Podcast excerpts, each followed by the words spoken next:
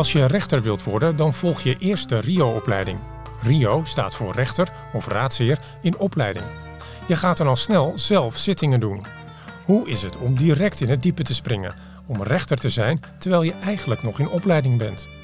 In deze aflevering van SSR Meestervertellers gaat Daan Langkamp in gesprek met Rio Sanderijn Wierink en praktijkopleider Marcel Snijders. Als je rechter wordt, dan word je tijdens de opleiding direct in het diepe gegooid. Je gaat al heel snel aan de slag in de rechtszaal, want je wordt op dag 1 beëdigd en mag dus direct aan het werk in de praktijk. Dat klinkt heel snel, maar zo leer je natuurlijk ook heel veel. Waar loop je allemaal tegenaan en is het wel zo handig als het klinkt?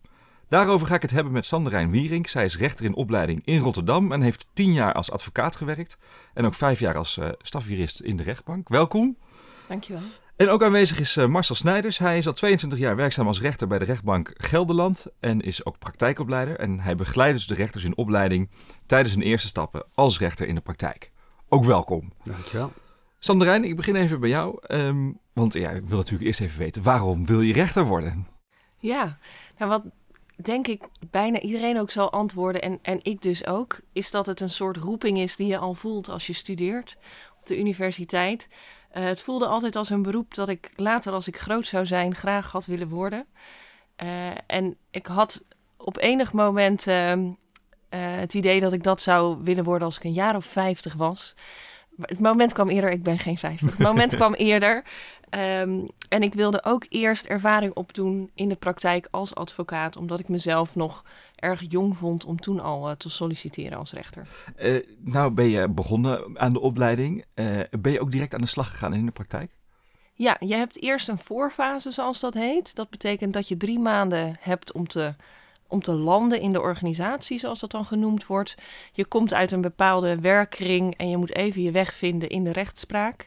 Daar krijg je drie maanden de tijd voor. Die tijd kun je ook benutten om rond te kijken, mee te kijken met alle mensen die er werken. Want het is een heel grote organisatie. Er werken heel veel mensen in allerlei verschillende functies. Daar kun je dus allemaal mee meekijken, met de bodes bijvoorbeeld, uh, met de parketpolitie. Nou, je kan overal even kijken. Uh, en je gaat ook al snuffelen aan zaken, om het zo maar te noemen. Je loopt mee met je praktijkopleiders. Uh, je zit achter in de rechtszaal bij andere rechters om te kijken hoe doen zij het. Uh, en na die drie maanden, dan begint je hoofdfase en dan gaat het, uh, gaat het echt meteen los. Ja, dan mag je het ook echt zelf gaan doen. Ja. Hoe is dat? Ik vond het ontzettend leuk. Voor mij voelde het een beetje alsof ik heel erg lang langs de kant stond. Kijken hoe iedereen aan het rolschaatsen is. En ook allerlei instructies hoor hoe je het beste rechtop kan blijven staan. Maar je voelt ook in de aanloop van die drie maanden steeds meer de drang om zelf te gaan proberen of je kan rolschaatsen en hoe je het er dan vanaf brengt. Ja. Uh, dus zo voelde het een beetje. Ik vond het heel erg leuk. Ik heb in mijn voorfase ook al zitting gedaan om te kijken hoe dat dan is. Um, en in je hoofdfase word je natuurlijk ook meteen uh, bekeken door je praktijkopleider hoe je dat dan doet en van feedback voorzien. En Marcel, jij ziet ze ook hè, als, als praktijkbegeleider, zie ja. je ze ook die eerste zittingen doen. Ja. Hoe, hoe, hoe zijn jouw ervaringen, hoe, ze dat doen? Ja, dat, over het algemeen hebben ze er heel veel zin in. En is het een combinatie van zin en zenuwen. En uh, de, de zin overheerst meestal, want nou ja, de zenuwen zijn er meestal wel, maar ze zijn niet altijd zichtbaar. Ook niet altijd voor mij en ook niet voor de mensen die in de zaal zitten. En ja, zo'n eerste zitting, die bespreken we meestal gewoon heel goed van tevoren uh, helemaal door. Ja. Uh, goede voorbereiding. Goede voorbereiding, dat scheelt al enorm. En uh, ja, weet je, als je het werk wil leren, moet je het ook echt gaan doen. Dus het, uh, ik zou er niet te lang mee wachten. Ik vind ja. het altijd heel fijn als Rio's in de voorfase ook al zittingen willen doen. Of misschien niet een hele zitting. Wat ik heel vaak doe, is dan neem ik mijn Rio mee bij een zitting die ik zelf doe. Bijvoorbeeld een politierechterzitting. En dan kan hij of zij ernaast gaan zitten.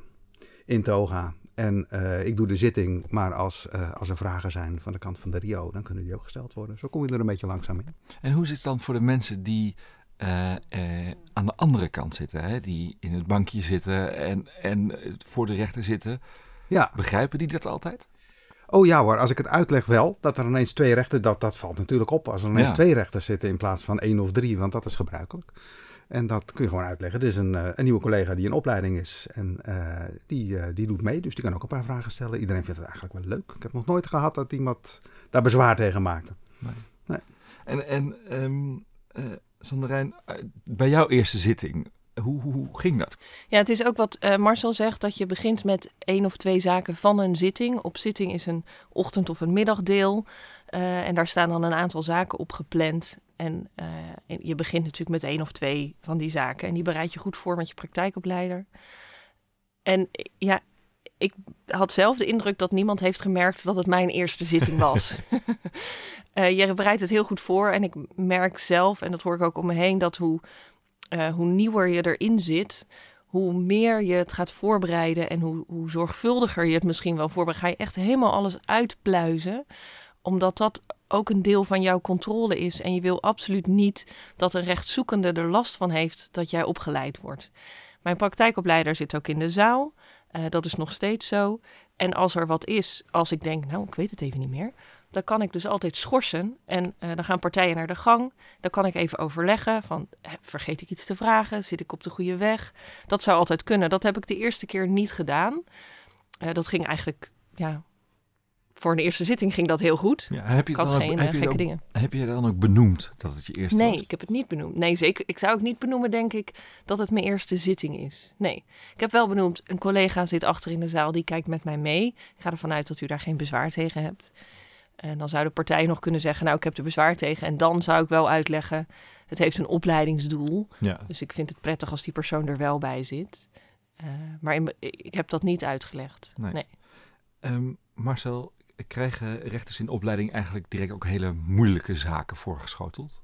Nee, meestal niet. We kiezen, we kiezen de zaak gewoon uh, uit. Meestal kies ik samen met mijn Rio, dan kijk ik, uit wat, kijk ik uh, naar wat er op een zitting staat, wat voor soort zaken. En ik kies er een uit die overzichtelijk is. En uh, die nou qua juridische inhoud goed te behappen is. Uh, die ja, want het is natuurlijk ook, we moeten ook niet vergeten, iedereen die rechter in opleiding wordt, die heeft ook al jaren ervaring. Ja, hè? die hebben allemaal jaren ervaring. Dus, en, en, het hangt er een beetje van af, hè, want de meeste Rio's worden in, in uh, ieder geval twee verschillende rechtsgebieden opgeleid. Ik zit bij strafrecht. Als ik een Rio krijg die uh, bijvoorbeeld al heel veel ervaring heeft in het bestuursrecht, maar niet in strafrecht, maar wel in strafrecht moet worden opgeleid, dat is, dan is het een andere situatie dan als ik een hele ervaren strafrechtadvocaat krijg, bijvoorbeeld. Um, en van een ervaren strafrechtadvocaat die begint als rechter, kan, ja, kan je ook wat meer verwachten qua juridische inhoud. Dus die zou misschien een wat moeilijkere zaak, juridisch moeilijkere zaak al aankunnen. Nou ja, en juridische inhoud is natuurlijk maar één van de aspecten. Hè. Vaak komt het op zitting ook aan van, ja, wat heb je voor een persoon voor je? Is dat misschien een hele moeilijke persoon? Of uh, is die uh, beperkt in zijn intelligentie? Of heeft hij bepaalde stoornissen? Dat maakt een zaak ook makkelijker of moeilijker. Dus als we nou, met een Rio een zaak gaan bekijken, dan, dan beginnen we met iets wat gewoon overzichtelijk is. En waar niet te veel uh, gedoe te verwachten is, om het zo maar te zeggen. Stel nou dat het helemaal uit de klauwen loopt. De kans is natuurlijk heel klein, maar dan ja, ben je, je altijd nog met z'n tweeën. Kan ik me ja, je bent altijd. Maar ik heb het ook nog nooit meegemaakt. Nee. Met een Rio. Dat, dat is goed uit om te weten. Ja, weet je, die, het zijn bijna allemaal hele ervaren mensen. Zijn, ze komen niet net van de middelbare school, zullen we maar zeggen. Hè? Dus die, die kunnen allemaal echt wel wat. En dan mag je als opleider ook wel uh, vertrouwen in hebben dat het zo is. Ja. Meestal heb je dat snel genoeg door als je even met iemand praat. Of die dat wel of niet kan. En Sandra, en heb je wel eens gehad dat je dacht... Oeh, dit is nu een, een zaak wat... Uh, wat ik lastig vind, of waar uh, in één keer een heel andere ontwikkeling was die ik in de voorbereiding niet had zien aankomen. Uh, wat, wat moet ik hier nou mee? Ja, het gebeurt wel eens dat, het, dat, dat er dingen ontstaan op zitting. Bijvoorbeeld in het familierecht mag je ook verweer voeren tot het moment dat je in de zittingszaal zit. Dus dan kan het zijn dat ik in de voorbereiding het verzoekschrift van een van de partijen heb. Uh, dus dat ik het verhaal pas van één kant ken en dat ik op zitting pas het verhaal van de andere kant hoor. Uh, dan kan het zijn dat je ineens denkt: Oh, dit had ik helemaal niet vooraf bedacht. Je probeert natuurlijk wel heel erg te bedenken: wat kan er allemaal komen? Wat kan er allemaal gebeuren? Uh, maar de, de dynamiek tussen partijen, dat zie je natuurlijk pas als je, als je daar zit. En ik merk dat als ik het benoem, wat ik zie, of wat het met mij doet, wat er met mij gebeurt, dat dat helpt en dat dan, ja, dat deescaleert. Dan wordt het ook weer um, wordt iedereen, landt iedereen weer in zijn stoel en dan kan iedereen weer, weer nadenken. Als ik zeg, um, als ik nou gewoon, als ik iets, een vraag krijg, dan, dan zeg ik ook, nou, dit weet ik eigenlijk niet. Hier heb ik niet over nagedacht. Heeft u zelf een antwoord op die vraag? En dan kan ik ondertussen, of aan de advocaten, kan ik ondertussen nadenken wat ik ervan vind. En wat mij heel erg rust geeft, is het idee dat als ik het echt niet meer weet, dat ik kan schorsen en vragen of partijen even naar de gang gaan. En kan overleggen met de rechter die achter in de zaal zit. Precies. Dus dat, dat geeft Dat een, een soort rust. Ja. Ja, dat geeft een rust. En doordat je weet dat dat een mogelijkheid is, ben je ook niet bang voor wat er kan gaan gebeuren. Ja, laat het maar gewoon gebeuren. Moet je ook gelijk uitspraak doen? In het familierecht heb je eh, heel veel soorten zaken waar je niet meteen uitspraak op hoeft te doen. Is Soms dat, dan wel. ook, is dat dan ook fijn dat je dat niet direct hoeft te doen? Als je denkt, nou, in het begin oh, er is wel. heel veel gebeurd. eh, laten Ja. we nu eerst even hè, Ja. met, de, met, de, met de praktijkopleider de koppen bij elkaar steken. En even rustig Ja. kijken wat er nou precies gebeurd Even is. overwegen wat er allemaal gezegd is. Ja, zeker. In het begin zeker. Komt ook omdat ik niet eh, uit het familierecht kom. Dat is niet mijn, mijn juridische achtergrond. Dus voor mij ehm, is het heel prettig om achteraf nog goed na te kunnen denken. Eh, het nog even een keer allemaal de revue te kunnen laten passeren. Wat heb ik gehoord? Wat, wat is er allemaal? Eh, er zijn ook zaken waar je wel meteen uitspraak op doet. Maar ook dan geldt, je kan altijd even schorsen. Als je even wil nadenken, neem dat moment dan. Schors even, denk rustig na. Spar met je secretaris, spar met je praktijkopleider. En dan doe je een uitspraak. Maar zo, hoe zie jij dat soort, eh, hoe zie jij die ontwikkeling? Want ik kan me ook voorstellen dat je soms ook rechters in opleiding ziet waarvan je dan denkt, oké, dit gaat hartstikke goed. Hoef hier bijna niks te doen. Maar ik kan me ook voorstellen dat je soms denkt, nou, dit is goed dat we nu even schorsen en even kijken wat er nodig is. Eh, mo- Moet je dan nog veel sturen bijvoorbeeld? Ik vind het, ja, mijn ervaring is dus dat het ontzettend meevalt. Meestal weet Rio heel goed zelf of er een moment komt waarin hij moet schorsen. En ik, nou ja, ik weet dat er praktijkopleiders zijn die het anders doen, maar ik zit nooit achter in de zaal een time-out gebaar te maken. Ik laat het altijd doorgaan. En als de eh, Rio zelf wil schorsen, is dat altijd prima. Dat hebben we van tevoren besproken. Doe het, kies je moment als je er. Hè, dat is altijd goed. Maar ik, ik doe het eigenlijk nooit. Zie je dan ook vaak bij de, de Rio's dat ze, hoe meer zaken ze doen, hoe geolieder het gaat? Ja, tuurlijk. Je ziet, je ziet de oefening. En we hadden het net over voorbereiding bijvoorbeeld. Dat is een beetje een dingetje wat ik bela- belangrijk vind. Voorbereiding is natuurlijk heel erg belangrijk.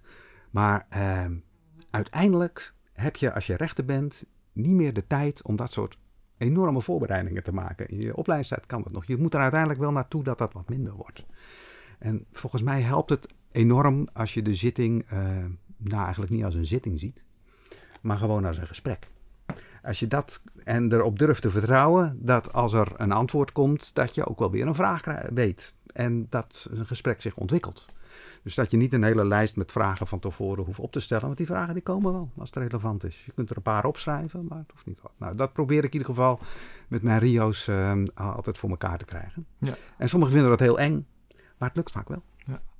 Is het dan ook zo dat je op een gegeven moment ook, ehm, Sanderijn, op, op je ervaring kan bouwen? Je hebt natuurlijk al, al jaren ervaring als jurist, maar ook eh, die ervaring die je opbouwt in de praktijk. Dat je ook gewoon weet van, hé hey joh, alles wat ik in de opleiding leer, kan ik één op één doorzetten in, eh, in, in de, de, de zittingszaal? Ja, ja. Je hoort, eh, je hebt sowieso je eigen ervaring. Ik kwam als advocaat regelmatig in een zittingszaal. Eh, als stafjurist zat ik er natuurlijk vaak naast. Dus je hebt, dan, je hebt die ervaring. En vanuit de opleiding wordt ook heel veel aandacht gegeven aan, aan het zitten. Eh, aan de gespreksvaardigheden, heel veel aan de soft skills, om het zo maar te noemen. Want het juridische is maar een klein deel van je werk. Het is heel veel, nou, wat Marcel ook zegt, het gesprek aangaan met mensen. eh, je nieuwsgierigheid, de vrije loop laten.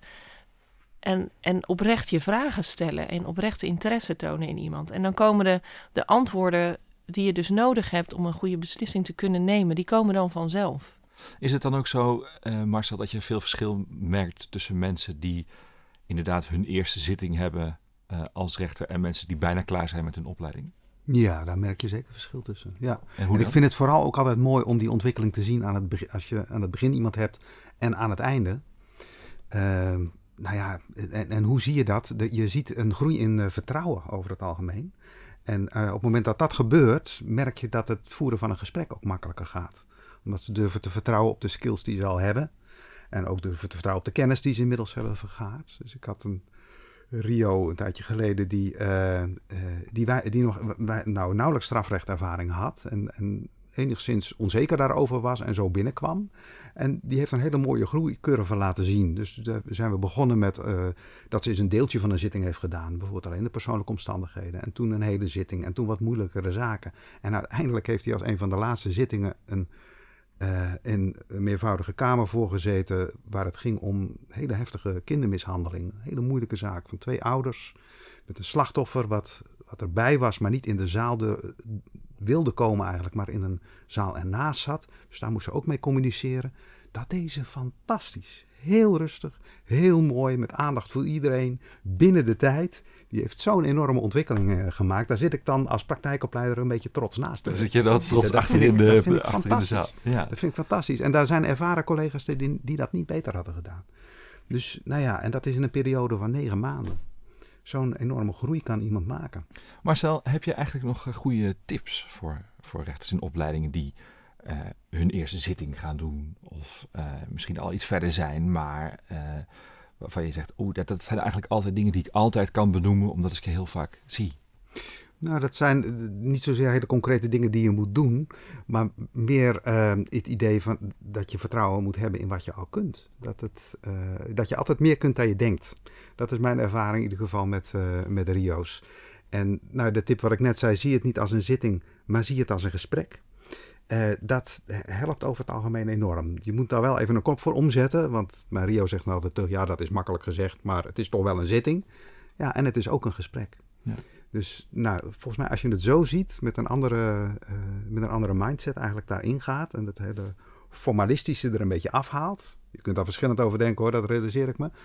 Maar dat maakt het wel een stuk makkelijker. Ja. En een stuk leuker, denk ik ook. Want dan, dan doe je de zitting vanuit nieuwsgierigheid. En niet vanuit alleen maar juridische dingen. Dat maakt voor want zijn daar verschillende gedachten over bij verschillende opleiders? Hoe hoe je ja, een zaak het beste doet? Ja, dat merk ik wel. Ik geef ook de, de training voor, uh, voor praktijkopleiders. Alle praktijkopleiders moeten gecertificeerd zijn en daardoor een, een, in ieder geval een basistraining hebben gevolgd. En ik ben een van de docenten en ik, dus ik krijg ook veel dingen terug. Er wordt verschillend over gedacht, uh, over hoe belangrijk uh, um, nou, het, het, het, formele punt, de formele punten zijn. Die zijn natuurlijk ook belangrijk, daar wil ik niks aan afdoen. En ook hoe belangrijk nou, of hoeveel focus je moet leggen op de juridische inhoud. In verhouding tot nou, wat er nog meer allemaal belangrijk is om een zitting te doen. Daar wordt wel verschillend over gedacht. En je merkt, wat je ook merkt misschien, is, dat hoor ik op de training. Eh, de praktijkopleiders willen in de training heel, heel graag horen hoe ze het moeten doen. En dat vertellen we niet. Want ja, er is niet een manier van hoe je het moet doen. Weet je, dat, dat, dat hangt heel erg van, je, van jezelf af en van je Rio en vooral van de, van de interactie, van de interactie. daarmee. Ja. Dus, maar ze hebben heel graag een soort curriculum van dit moet en zo hoort het. En maar ja, dat is er eigenlijk niet. Merk jij dat dan ook bij verschillende praktijken? Of heb je één praktijkbegeleider die uh, daar Je hebt altijd twee praktijkbegeleiders, twee praktijkopleiders. Um, en en je, je, loopt met allebei mee. En bij familierecht in Rotterdam loop je ook met allerlei andere rechters mee. En uh, ja, het is heel erg leuk om te zien dat iedereen zijn eigen stijl heeft en zijn eigen manier heeft om, om daar te zitten. En dat is ook een van de doelen, denk ik, in je opleiding, dat je je eigen stijl zoekt. Dus in die zoektocht kijk je gewoon met heel veel mensen mee. Um, en ja, iedereen, iedereen neemt zichzelf mee als je daar zit. Dus iedereen heeft ook andere ideeën over, over het opleiden of over wat belangrijk is. En dat, ja, dat is leuk om te ontdekken en om te zien. Dus, ja. En merk je dan ook snel een eigen stijl? Uh, ja, dat denk ik wel. Ja. ben ik toch benieuwd. Ja. Vertel. nou, ja, ik schijn uh, nog wel met humor en, en blij uh, ook op zitting te zitten. Zoals ik hier ook zit. Zo ja. zit ik ook op zitting. Ja. ja. Mijn praktijkopleider gaf een keer terug als feedback dat ik ik had een schemaatje gemaakt waar partijen het over eens waren. En die waren vooral bezig met waar ze het niet over eens waren. En toen heb ik dat Excel-bestand zo opgehouden. Van kijk, hier bent u het over eens.